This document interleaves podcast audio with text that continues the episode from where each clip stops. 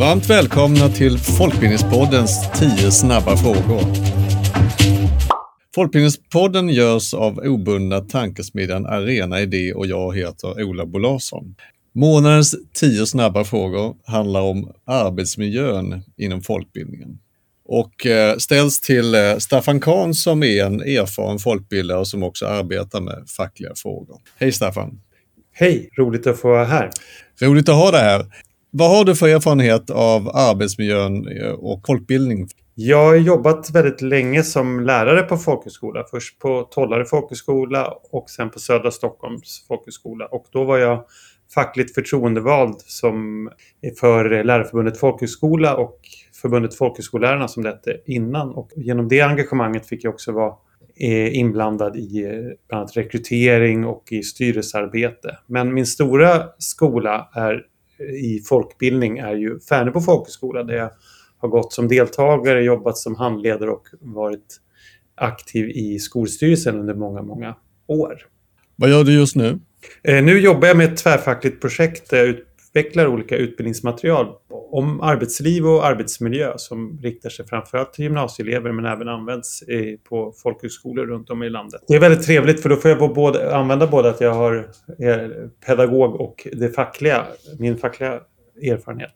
Vad är det för speciellt med eh, arbetsmiljön för en eh, folkbildare, skulle du säga? Ja, jag tänker att det handlar mycket om det där med människorna i centrum och det personliga mötet som ju är det som är i fokus så mycket på i folkbildningen. Det finns ju fokus på många andra ställen också, men här är det så centralt och det är ju väldigt häftigt alltså att få vara med om liksom, att framför ens ögon så får man vara med om när människor växer och utvecklas och våga göra saker som de aldrig trodde att de skulle göra. Jag, precis som många andra folkbildare, har så många sådana minnen med mig i eh, livet.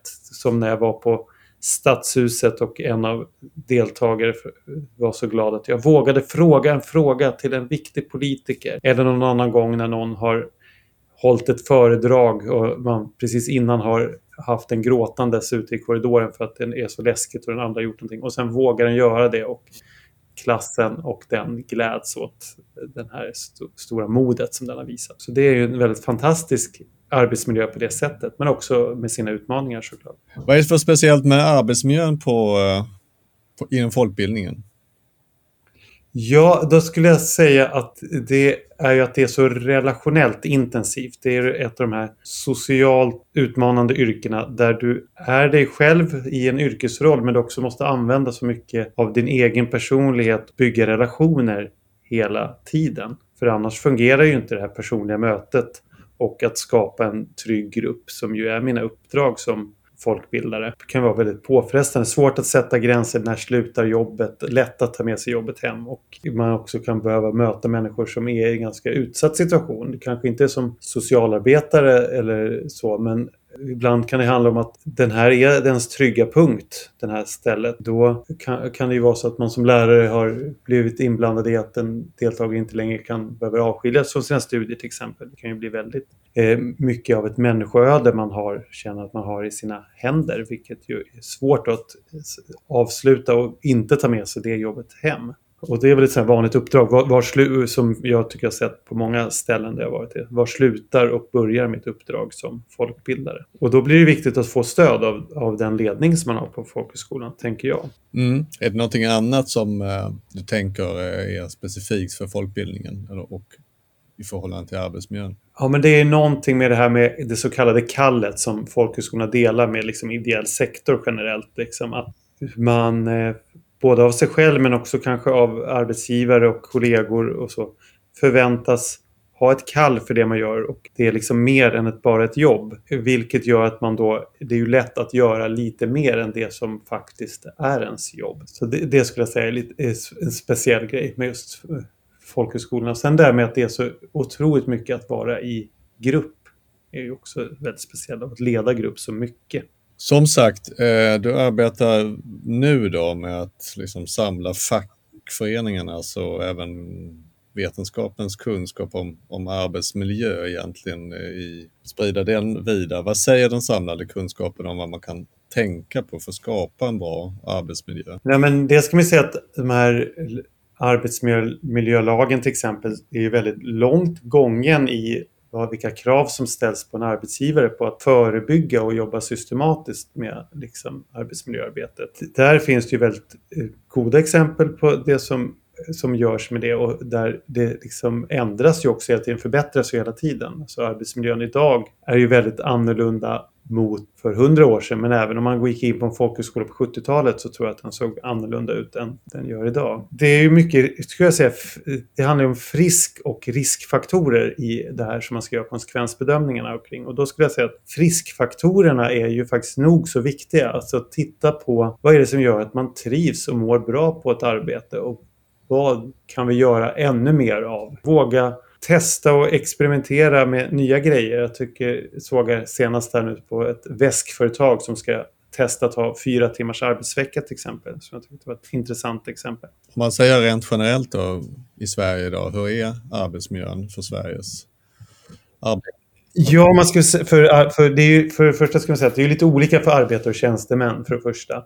Men man kan säga generellt så har det ju, är den ju Eh, lagarna har kommit väldigt långt och det finns ju Arbetsmiljöverket gör ju sådana här eh, regleringar kring väldigt, på väldigt detaljnivå också kring till exempel eh, skyddsutrustning och sådana grejer. Eh, och vad som krävs med nattarbete, bara en sån sak. Och sån. Men det man kan säga är ju samtidigt finns det ju väldigt stora skillnader mellan olika yrkesgrupper. Det såg vi under pandemin där medelklassen kunde jobba hemifrån och skydda sig från smitta medan arbetaryrkena inte kunde göra det utan var tvungna att gå till sina arbeten och riskera att bli dödligt sjuka i covid. Och det här ligger ju kvar idag i vår nya arbetskultur där eh, mycket av tjänstemannayrken har mer inslag av distansarbete. Men fortfarande är det ju så att jobbar du i vården eller inom industrin är det ju svårt att arbeta hemma. Och bara en sån sak som det här begreppet vobba, alltså att vårda barn och jobba samtidigt som i många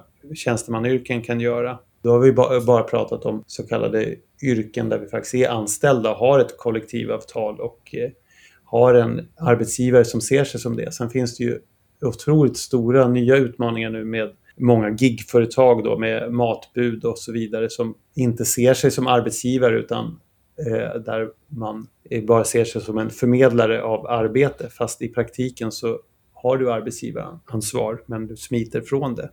Och där får vi se det som en stor seger att det här kollektivavtalet som Foodora och Transport slöt då från 2021. Sen har jag förstått att det inte är perfekt, inte gäller alla. Där har vi liksom helt nya typer av utmaningar med eh, osäkra arbetsvillkor framförallt som ju är en jättestressande sak och väldigt dålig arbetsmiljö. Vi vet både att den rent fysiska arbetsmiljön är dålig och stressig. Men sen om du dessutom vet att du inte vet om du kommer få lön nästa vecka och ett uppdrag nästa vecka så blir ju stressen otroligt stark.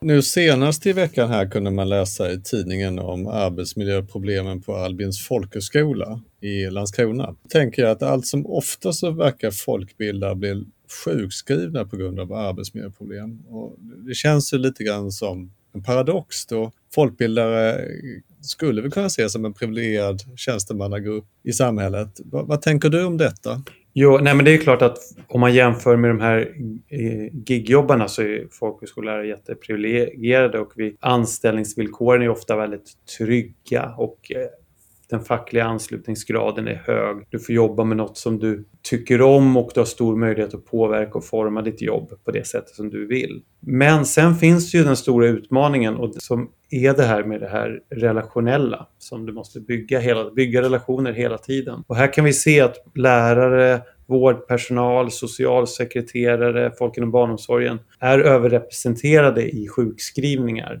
Och det har att göra med den stora stressen som det innebär att vara ansvarig för andra människor och att bygga relationer med dem hela tiden. Det är också en ganska utsatt situation att som lärare eller folkbildare leda en grupp och liksom det är det du gör tillsammans med dem som liksom blir avgörande för hela arbetssituationen för både gruppen och dig själv. Du har väldigt mycket makt men det gör också att, också att det är lite utsatt läge och där man också blir bedömd. Som lärare får, blir man ju bedömd. Man får, det är väldigt härligt. Man får direkt feedback hela tiden. Men när det inte går bra så får man reda på det på en gång på ett väldigt tydligt sätt. Eh, har du, har du något bra exempel på det du talas om eller varit med om där folkbildningen eh, i folkbildningsvärld där man har lyckats bra med att skapa en god arbetsmiljö? Jo, men det har man ju sett eh, flera gånger och jag tänker att många gånger handlar det faktiskt om ledning och vad det är liksom vad eh, ett ledning som förstår vad det är för arbetsplats man leder och att Eh, ge goda förutsättningar för de som jobbar där. Inte ställa krav på helt andra saker. Och man behöver ju stöd i det här relationella och gränsdragandet. Och jag har ett eget positivt exempel på det är att jag har gått väldigt mycket i handledning med mina kollegor då på arbetstid och där man har fått hjälp av en extern handledare att diskutera liksom olika eh, situationer som kan uppstå i ett folkhögskoleklassrum. Och det gjorde att vi blev väldigt mycket bättre på det här med gränsdragningar till exempel. Det här med var slutar mitt uppdrag. Även på att eh, jobba proaktivt på att inte vissa situationer skulle uppstå. Och även bli sammansvetsade och ha liksom en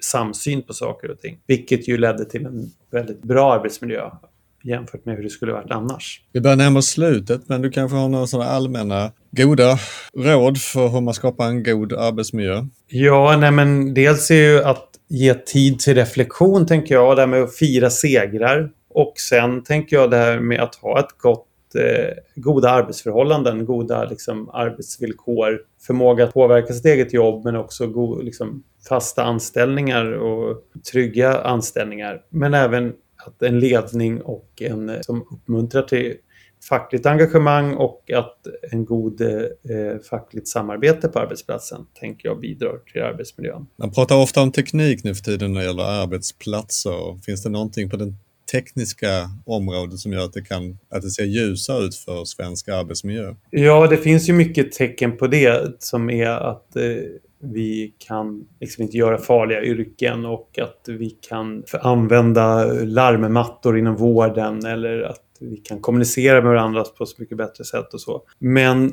men om man inte behöver göra farliga och, eh, uppdrag på olika sätt. Men det finns ju också motsatsen där tekniken används för att kont kontrollera arbetstagare och liksom in i minsta detalj där man kanske går tillbaks till någon tidigt industrialiseringsversion där man har en arbetsuppgift som man ska göra på en viss tid. Och det leder ju till både fysiska förslitningsskador som man har sett till exempel på Amazons lager i USA men även till en mindre känsla av meningsfullhet. Och den här psykosociala arbetsmiljön är ju minst lika viktig som den fysiska. Så att tekniken kan användas till det och gör det men den kan också användas till tvärtom. Och och gör också det. Så att det är ju viktigt det här med facklig organisering för att det, då, eh, även vilken teknik som ska användas ska ju räknas in i, i medbestämmandelagen där det ska förhandlas med de fackliga parterna. Du lyfter det fackliga engagemanget här och du har själv då varit aktiv i folkhögskolelärarnas fackliga anslutning. Bara mm. slutligen mm. säga, vad, vad är det den fackliga organisationen heter nu för tiden? Riksföreningen folkhögskola inom Sveriges lärare.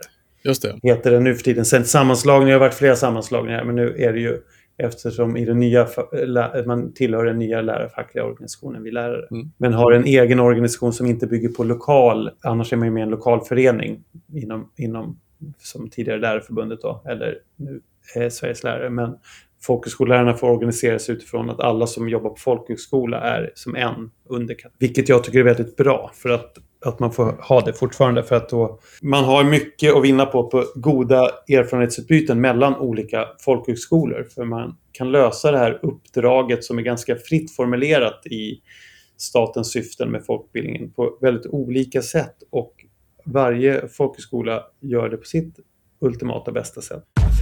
Tack så hemskt mycket Staffan Kahn för eh, att du kunde ställa upp på tio snabba frågor från Folkbildningspodden. Eh, tack för ni som har lyssnat. Vi ses snart igen.